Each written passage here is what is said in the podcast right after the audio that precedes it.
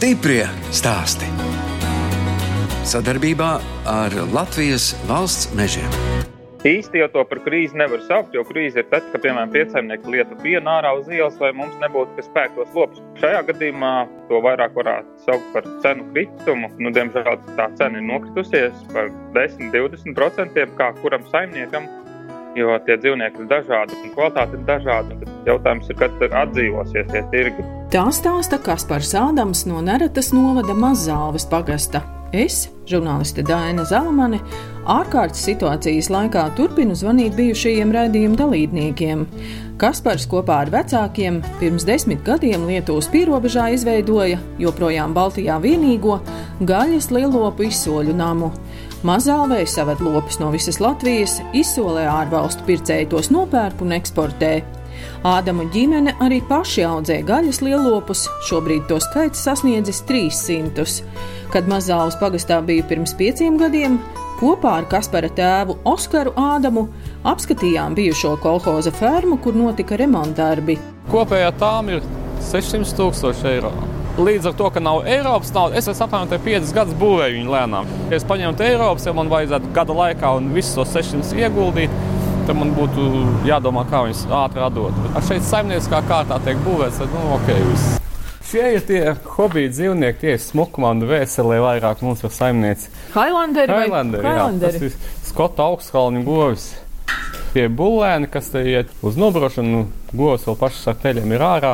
Te ir ģimenīte, ja, kas bija mums izstādē. Lauksaimniecības izstādēs mēs piedalāmies regulāri, ja, lai varētu cilvēkiem rādīt, kas ir labs Latvijā. Saimnieks Oskars ar lepnumu rāda, ka fermas remontējot, tiek domāts ne tikai par lopu labturību, bet arī par strādnieku dzīves apstākļu uzlabošanu. Duša, toalete un pirtiņa vēl. Ja vācietis būvē fermu, tad viņam nav tik strikta prasība dēļ dušām, toaletēm un tādām lietām.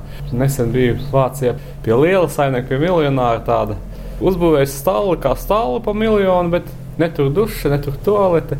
Tas viss ir kaut kur teritorijā. A mums ir prasība, kā ir ferma, kā ir rekonstrukcija, tā jābūt šīm labajām rīcībām. Šeit bija jāiebūvē tas sandārais mezgls. Tad uztaisījām, uzlīdzējām semināru zāli cilvēkiem, ko stāstīt, rādīt, kā jau Nu, būtu. redz, tāda kā nav redzēta, ka semināra zāle pie fermas. Pie fermas, jā, un kādreiz mužnieki uztaisīja mužas, tās vēl tagad mēs tos augus baudām jau gadsimtus pēc tā viss.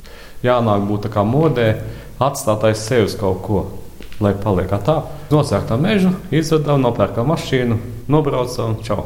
Tu jūs naudu ieguldat fermās, dušās, pirtīs. Dušās pirtīs cilvēkiem. Bet mazāvis pagasta rīniekos, kur Kaspars Ādams izveidojis lielopu izsoļu namu, valda rosība. Uz izsoli jau savesti gaļas lielopi no visas Latvijas.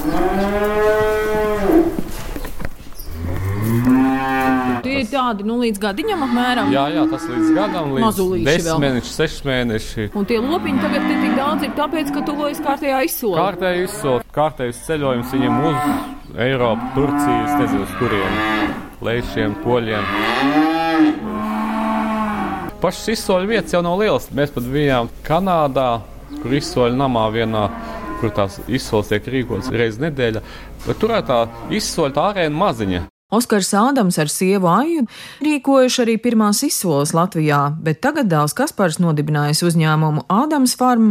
Viņš guvis arī pieredzi ārvalstīs. Es biju Anglijā, Šveicē. Vācijā redzējis tās izsoles, kā noteikti te ir izveidots Latvijas modelis. Sākās vienā izsolē bija 20, 30, līdz tagad mums ir vienā izsolē 700 kaut kur.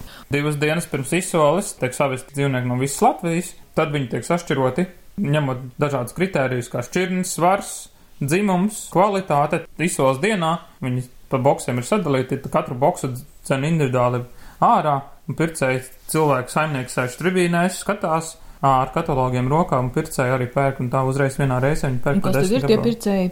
Ārvalstnieki, nu šeit tad arī latvieši kaut ko pamēģina, bet 97%, 8% iet uz ārvalstīm. Sliktākais variants izsolē ir tad, ja atbrauc mās pircēju. Pietiek, ka ir divi pircēji. Ar lopiem jau ir tā, ka viņi individuāli katru jāredz, jo pasakot, ka, piemēram, man ir labs šarolis skaists, tik nesmuku sen nebija redzējis. Respektīvi, Katram saimniekam tā latiņa par savu kvalitāti arī ir. Bet lopu tā pērk ne skaistuma dēļ, bet gaļas dēļ. Labi, vārds skaists varbūt nav tas īstais, ir jābūt ar potenciālu, kur tai gaļai augt. Piens šķirnes, viņas nav paredzētas gaļas audzēšanai. Tāpēc ir gaļas šķirnes, ko sauc par gaļas šķirnes lopiem, un viņiem jābūt ar zināmām īpašībām.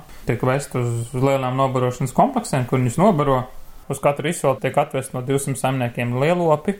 Tas nozīmē, Man ar 200 saimniekiem ir jānorēķinās. Pasākums jāuztais tāds, lai ir abām pusēm, pircējiem un pārdevējiem. Tas ir patīkams process un uh, servis. Gan vienam, gan otram jānodrošina labs, lai pircējs nākošais pie manis braukt un pārdevējs, saimnieks, kas grib pārdot savus lopus. Tā jūsu jaunība netraucēja jums, kas par vēl nav 30 gadu, kad ierauga, ka jūs tāds jauns puisis, ņem jūs nopietni? Vismaz manā tādā uztverē tiem vecumam pilnīgi nav nozīmes. Ja atbrauc pie manis vācietis 55 gadīgs, viņš to nozarē jau ir bijis 30 gadus, tad, ejot fermā, runājot par dzīvniekiem, viņš jau saprot, vai tu saproti no tās lietas kaut ko vai nesaproti. Pircēji, kuri brauc jau no 10. gada, viņi saka, ka katru gadu kvalitāte palielinās. Viens no stimuliem, ko dot izsoles vēl nozarei kā tādai, ka saimnieki paši var saprast, vai viņi tā kā virziens nospraustais, kur viņi iet, ir pareizais. Vai tas, ka viens otrs tur ietaupa, piemēram, uz vaisnas materiālu iegādi, vai uz sliktāku barību, viņš ai, salīs sienas, bet es viņu sarulēšu, nevis pakaišiem, bet ēdīs govis, viss būs kārtībā, bet viņš redz, ka pēc tam gala iznākums ir tāds, ka viņš bulīti pārdot pa pusi lētāk nekā kaimiņš, kas ir centies, par kvalitāti cīnījies, un šajā procesā, šajā brīdī tas viss atmaksājas, jo pircēji to ļoti labi redz. Lēnām tā nozara griežās uz to, ka ražojam tāpēc, lai ir kvalitāte, ko pēc tam var viegli pārdot. Tā tēvs un dēls Oskars un Kaspars Ādami stāstīja pirms pieciem gadiem. Kaspars tagad pa telefonu stāsta, ka šobrīd lielo izsoles notiek attālināti. Pirmajā brīdī bija pircēji, kas bija sabijušies, ka viņi mēnesi nogaidīs, jo tas vīrus tika pasludināts arī Latvijā un aiztaisīja tas robežas. Saimnieki, kad zvanīja, viņa pirmais jautājums bija, kāda būs situācija. Varbūt viņiem nogaidīt pēc mēneša, varbūt būs labāk. Un tad es viņiem vienkārši varēju atbildēt tā, kā man pircēja atbild, kas par es tagad pērku, bet es nezinu, kas būs pēc mēneša. Bet tagad, kad kāds laiks ir pagājis, abas puses strādā, pielāgojās. Jautājums tikai ir, kad tas kritums beigsies un kad sāksies atgriešanās pie normālām cenām kad vīrus sākās, tad izsoles neatcēlām. Vienkārši vairāk pievērsāmies digitālajai tehnoloģijai ar video un filmēšanām un klientu informēšanu caur video zvaniem un ar pašiem video rullīšiem. Tā rezultātā esam ietaupījuši veselu dienu, jo izsole iepriekš divām vai trim stundām ir ātrāka notiek, un arī jau eksporti notiek tajā pašā dienā. Ja pirms tam eksporti bija tikai piekdien, jo ceturtdienās mums parasti ir izsoles, tad tagad ceturtdienās pulkstens trijos, četros notiek jau pirmie eksporti. No tāda viedokļa skatoties, tas vīrus ir palīdzējis attīstīt to digitālo pasauli. Tā saimnieka daļa paliek nemainīga. Saimnieki piesaka mums datorā vai zvanot uz biroju, un tad divas dienas pirms izsoles dzīvniekus mēs atvedam uz vietas, un tad mēs klientiem sapilnējam viņus fiziski. Dzīvnieki atrodas izsoļnamā, Un trešdienas vakaros mēs uztaisām par katru dzīvnieku grupiņu, kas sastāv no 7 līdz 10 gabalu, viena veida bullīšu vai telītes, gan krāsas ziņā, gan kilogramu ziņā. Mēs uztaisām tādus video rullīšus par katru to grupiņu. Trešdien vakarā nosūtām visiem klientiem, kas ir uh, interesēti pirkt. Papildus nosūtām katalogu. Viņi jau izdara savu mājas darbu, un ceturtdien mēs pulkstens 11. no rīta sākam digitālo izsoli Respektīvi, trīs veidi, kā klienti tagad brauc pie mums. Viena daļa klienti brauc ar smagajām mašīnām, jo smagās mašīnas var šķērsot robežas. Viņi sēž pie stūres un vienkārši brauc uz izsoli jau pats fiziski. Otrs ir, kad viņi atsūta jau savus cenas, pa kādām viņi varētu pirkt. Un trešais ir, ko lielākā daļa izmanto ar video zvanu palīdzību. Viņi piedalās izsolēs. Un tad virtuāli notiek tā solīšana. Es ceru, ka kaut kāda daļa noteikti saglabāsies. Vismaz es to filmēšanu noteikti veikšu, jo tas man paver iespēju pirmkārt aptvert lielāku daļu klientu, kuri fiziski nevar atbraukt, bet atbraukšana tomēr arī ir laiks. Atlidošana trešdien un aizlidošana prom ceturtdien vakarā, tad cilvēks Horvātijā vai Izrēlā vai Ungārijā vai Itālijā saņem tos video, viņš apskatās. Ir grūtāk atrast, piemēram, jaunus klientus, ar jauniem strādāt, jo viņi nezina mani, un es nezinu viņus. Un tad es saku, bez naudas es jums nevaru pārdot. Tad viņi atkal saka, bet es nezinu, vai tu man iekraus tos lopus, ko es tur redzēju. Es atceros sevi, ka sāku izsolt 40 dzīvniekus, kad izsolīju. Likās, ja izsolīšu 300, tad tas būs daudz. Un tad es nākušā gadā jau izsolīju 300 vienā izsolē. Un pirms pieciem gadiem, kad es runāju par tiem tūkstošu gabaliem, kad tas būtu mans mērķis, tad nākošajā gadā tas tika izdarīts jau ar uzviju. Un tagad jau pēdējie četri gadi, kad tā sezona, sākās septembrī un beidzās martā, aprīlī, tad mums vidēji katrā izsolē ir starp 1200 līdz 1800 dzīvniekiem vienā reizē. Tā kā tas līmenis jau ir sasniegts un augstāk gan es tiešām nevēlos, jo arī klientu skaits ir ierobežots. Lielo pistoļu nams Latvijas pierobežā Mazāvē joprojām ir vienīgais Baltijā. Pirms diviem gadiem vai pirms pusotra gada parādījās imitācija tepat Latvijā, bet tā arī noklususi. Igauņu ik pa brīdim kaut ko mēģina domāt, bet tālāk par domāšanu nav tikuši. Dzīvnieku tirgošana pārobežu, kaut arī mēs esam Eiropas Savienībā, ja cilvēki var kustēties brīvi, tad uh, dzīvnieku kustība nav tik brīva, kā varbūt cilvēki iedomājās. Mums pirmkārt pietiek jau ar latviešu dzīvniekiem, otrkārt tīri no pārtiks veterinārā viedokļa, no certifikātu viedokļa tas nav tik viegli izdarāms un tas nav vajadzīgs. Bet paši lietuvieši un igauni brauc uz šeit vienkārši skatīties, kādas ir cenas, parunāt ar pircējiem, kāpēc varbūt viņi nemaksā tādas cenas tur Lietuvā vai Igaunijā, bet kāpēc maksā augstākas cenas Latvijā teiksim tā, tā izsos būtība jau ir tāda, ka viena daļa saimnieku varbūt uzskata, ka tā ir loterija, bet loterija varbūt ir eh, tiem saimniekiem, kuriem tie dzīvnieku kvalitāte ir zem vidējā. Ar tiem dzīvniekiem vienmēr ir tā, ka nezinu, kas viņus nopirks, kurā brīdī varbūt būs mazāk konkurence. Bet tiem labajiem dzīvniekiem, tiem vienmēr ir augstas cenas par šajā brīdī, ko mēs saucam par krīzi, nekā citas kvalitātes dzīvniekiem. Un uh, tajā izsos piedalās 6 līdz 8 pircēji, pirms krīzes tur bija starp 10-15 pircējiem.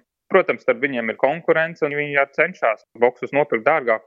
Tādā rezultātā arī sanāk tā cena augstāka nekā kaimiņu valstī. Kasparam vaicāja, ko krīze mainījusi pašu saimniecībā. Mēs pabrīdinājām arī darbiniekus savus, ieviesām dezinfekcijas līdzekļus un arī pabrīdinājām, lai izturās pret to visu nopietni darbinieki, jo nedod Dievs, ka kādam no mūsējiem konstatēs kaut ko, tas nozīmē, ka mēs visi esam karantīnā, tas nozīmē, ka atkal mēs neko nevaram darīt, un paralēli tā ķēdīties priekš. Tā kā, ja arī dodamies ārpusē, tad eh, ievērojam visu to piesardzību, necenšamies baigi līstajos pūļos vai speciāli braukāt uz veikaliem, bet vienreiz nedēļā aizbraucam uz lielveikalu un sapērkam visu nepieciešamo, tad uz mazajiem veikaliņiem tepat ciematiņā aizbraucam, ko vajag. Tā mēs esam pamainījuši savu to ritmu. Kad viesojos pie Kaspara Ādama pirms pieciem gadiem, viņš togad bija apņēmis sievu, un arī Kristīne, kas pēc profesijas ir ķīmeķi, iesaistījusies gaļas lielopu asociācijas darbos.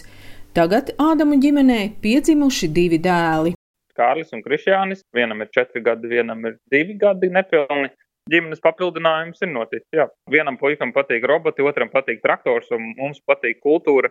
Tad patreiz ir primārais ar mazajiem, jo ir grūti paralēli visu izdarīt. Bet līdz ko viss būs mierīgāk, tad jau atkal dosimies gan uz teātriem, gan uz kultūras pasākumiem. Tagad, protams, kad ir abi puikas, viņi neiet bērngārzā, tad viņi dzīvojas visu laiku pa māju, un tad Kristīna un paralēli arī es veltam laiku mazajiem.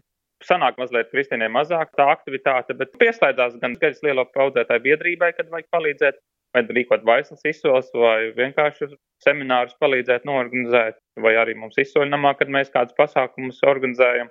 Es esmu arī zemnieku saimā kā valdes loceklis, un pirms tam sanāca bieži braukāt uz Rīgu kaut vai uz valdes sēdēm. Tad tagad, piemēram, mūsu valdē notiek sēdes visas digitāli, caur datoru. Tas pirmkārt ļoti daudz ietaupa laiku, tīri fiziski nebraukājot un atpakaļ šurp divas, trīs stundas. Un otrs arī attālinātās valdes sēdes, piemēram, ir ļoti labs risinājums, kaut kādā brīdī noteikti vajag satikties. Nu, nevajag visu laiku digitāli. Bet klātienes izsoles noteikti var notikt, bet vai viņas notiks mazliet šādā vai tādā formātā, to var patreiz grūti spriest, bet kaut ko saglabāsim no šī visa noteikti. Novēlējums, lai nenokar galvas lauksaimnieki, lai dara savu darbu centīgi un cītīgi un pareizi, neskatoties vai uz laikapstākļiem vai uz vīrusu krīzēm, jo pēdējie gadi ir parādījuši, ka katrs gads ir ļoti savādāks, un šis gads ir savādāks dēļ tā vīrusa. Paldies Dievam, ka klimats mums šogad ir veicinājis to mitrumu augsnē. Visiem, gan dārzeņu audzētājiem, gan lielo audzētājiem, patreiz izskatās cerīgi. Tā kā, lai nenokar galvu galvenai. Stiprie stāsti!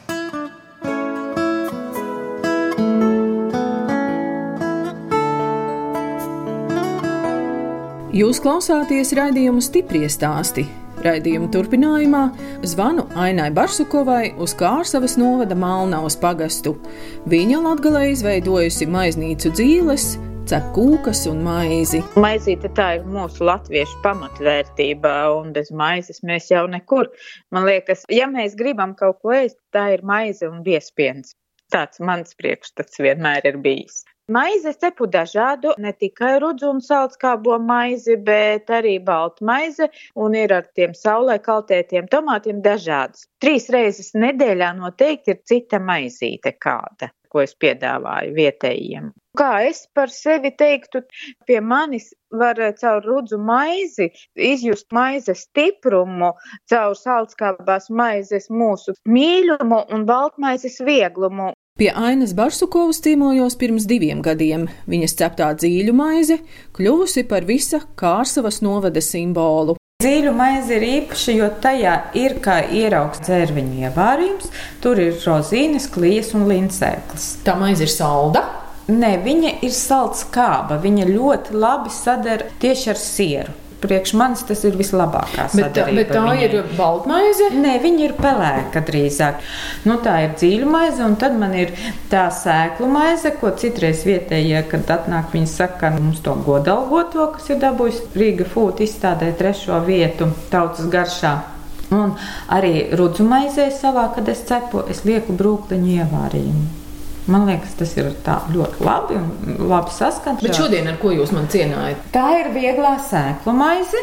Klijas un auzu pārsnes palīdz mums tā kā visam tam labi strādāt. Baltmaizīte un ir arī rūcumaize. Nu, bet droši vien arī elektriskajā krāsnī ir vieglāk izcept, ka tā temperatūra tomēr visu laiku ir vienāda. Un... Jā, un tā, ka tu esi viens un tev ir daudz darbu un ka tu visu dari gan kūku cepumu pusdienas, tad nav tik viegli izcept. Tie, kas cep īstajā maizes krāsnī ar malku, to priekšais noņem cepuri. Tas ir smags darbs. Viens, kas jāsamīts tā maizīte, lai viņa būtu laba, un otrs tev ir jāizkurina tā krāsnes. Kā viens smējās, tu esi kačagars un cepējs, tu esi viss vienā.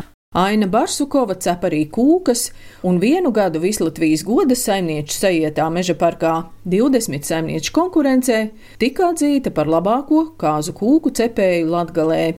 Mana mamma mācīja cept biskvītu. Un tad, kad eh, mammas jaunākā māsa, viņai ir trīs meitas, un es saku, klāt, izcepsim biskvītu, uztaisīsim nelielu kūku ar bērniem, un arī braucām mēs kaut kur brīvā dabā.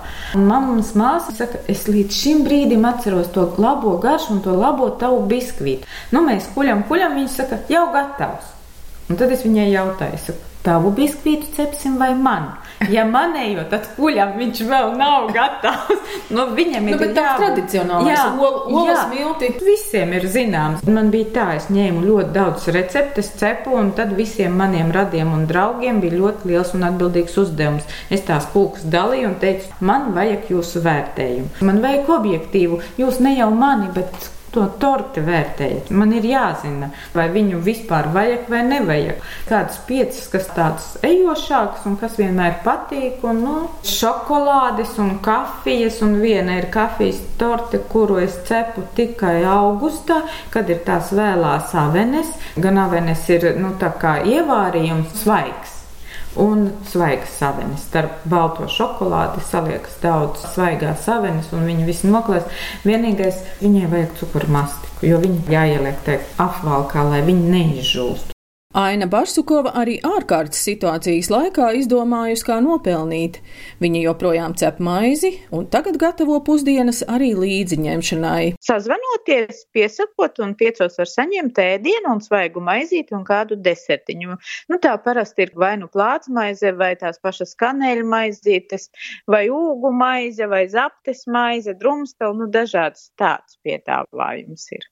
Kāpēc piecos? Tāpēc, ka ir tie, kas strādā, laukos vairāk tā kā ēd uz vakariņu pusi. Paņem līdzi siltu ēdienu un tev nav jādomā par vakariņām. Piemēram, mēneša beigās mēs zinām, ka tiešām cilvēki gaida algu, ir grūtāk, mēneša sākumā ir vairāk. Tas ir atkarīgs arī no tā, kāds piedāvājums. Vienam gribās vairāk, kad ir zupiņa, otram gribās, kad ir otrais kaut kas pamatīgāks, vai ir zivtiņa, vai tā ir gaļa. Gaumes ir dažādas un arī pieprasījums ir dažāds ir divas kategorijas. Tie ir lauku cilvēki, viņi ir pieraduši fiziski vairāk strādāt un vairāk ēst. pilsētnieks ir baudītājs. Viņš arī vienmēr ir uz nelielas diētas. Ļoti bieži vien saka, vai mēs maizīti nēdam, jo no maizītes mēs paliekam resni. Tad es saku, nu varat paskatīties uz mani, kurai katru dienu svaigi ceptu maizi neveselīgi, tikko svaigi cepta nav īpaši veselīga.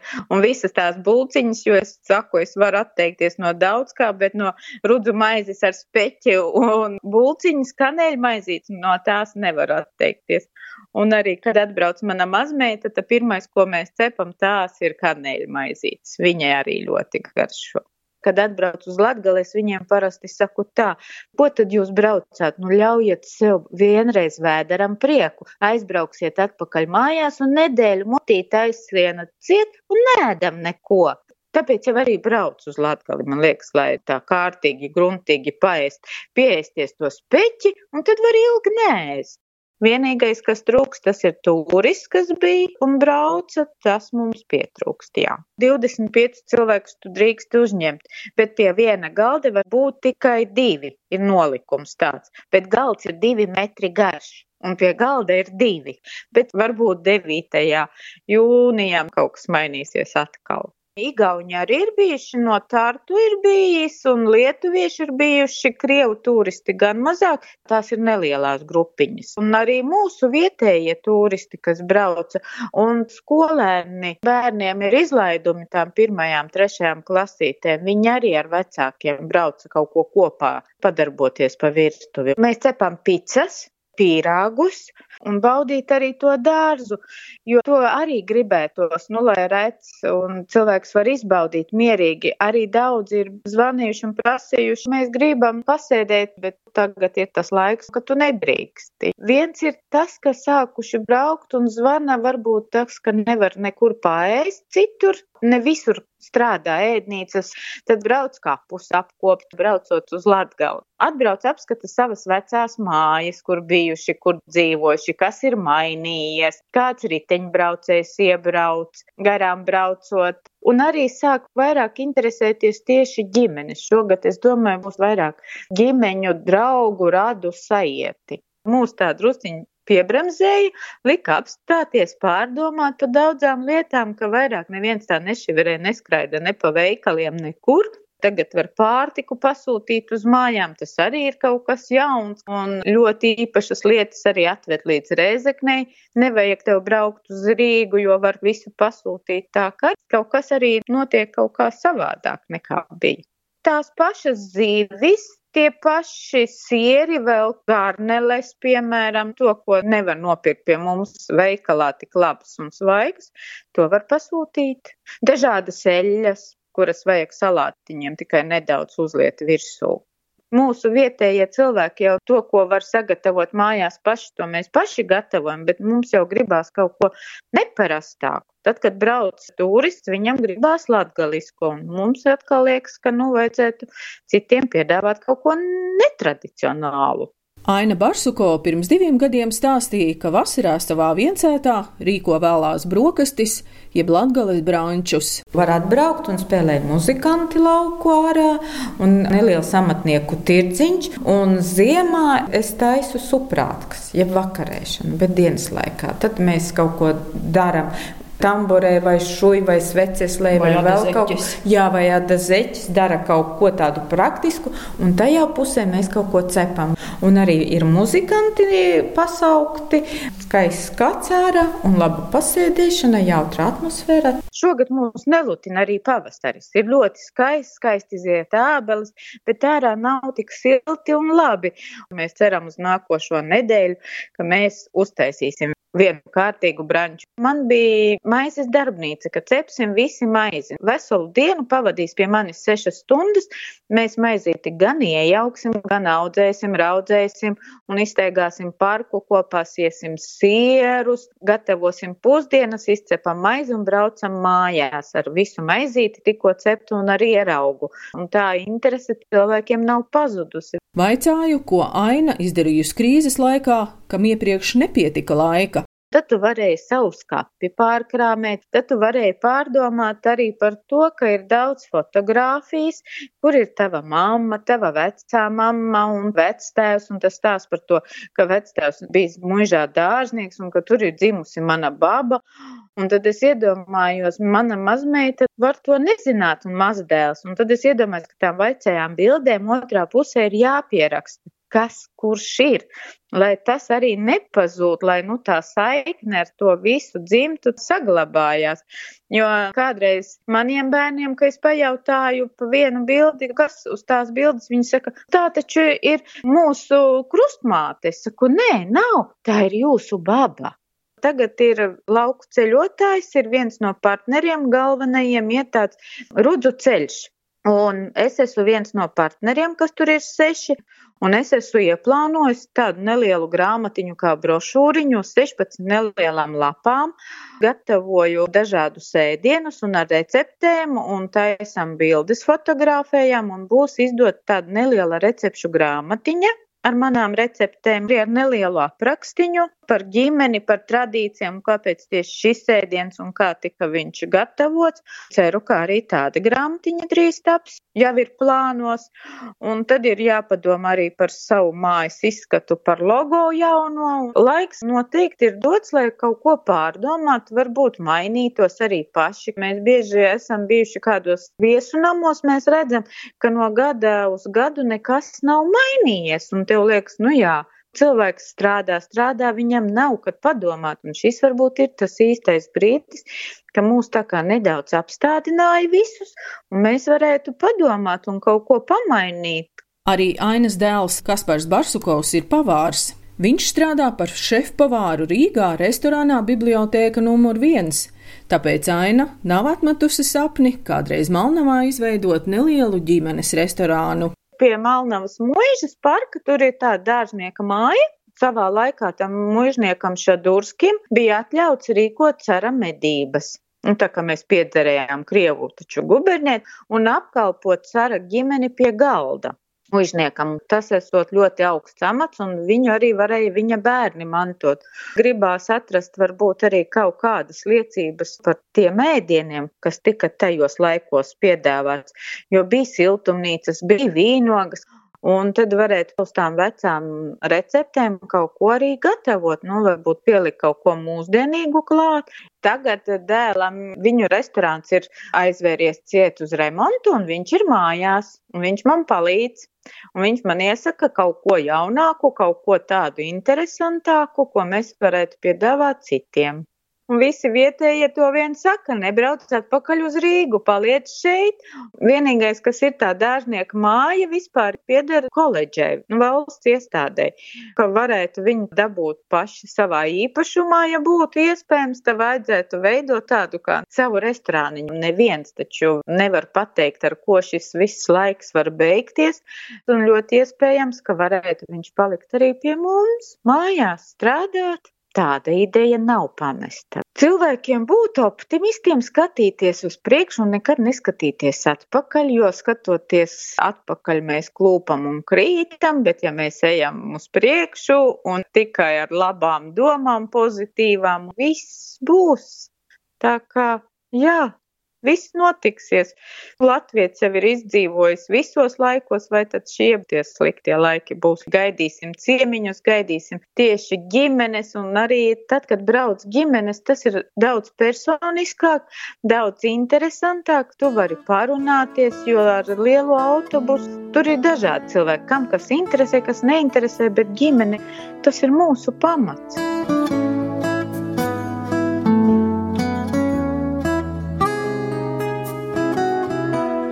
Redzījums stipri stāst izskan, un es atvados no Ainas Barsukovas, kas Latgales pierobežā Kārsavas novada Malnavas pagastā cep maizi, kūkas un gatavo pusdienas līdziņemšanai, bet Kaspars Ādams, Neretas novada Mazāvas pagastā, izveidojis joprojām Baltijā vienīgo gaļas lielopu izsoļu namu un rīko digitālās lopu izsoles.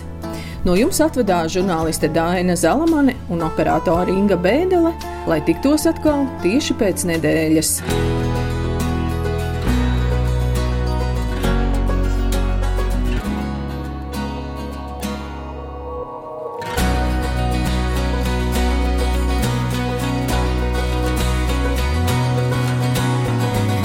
Stiprie stāstī. Sadarbībā ar Latvijas valsts mežiem.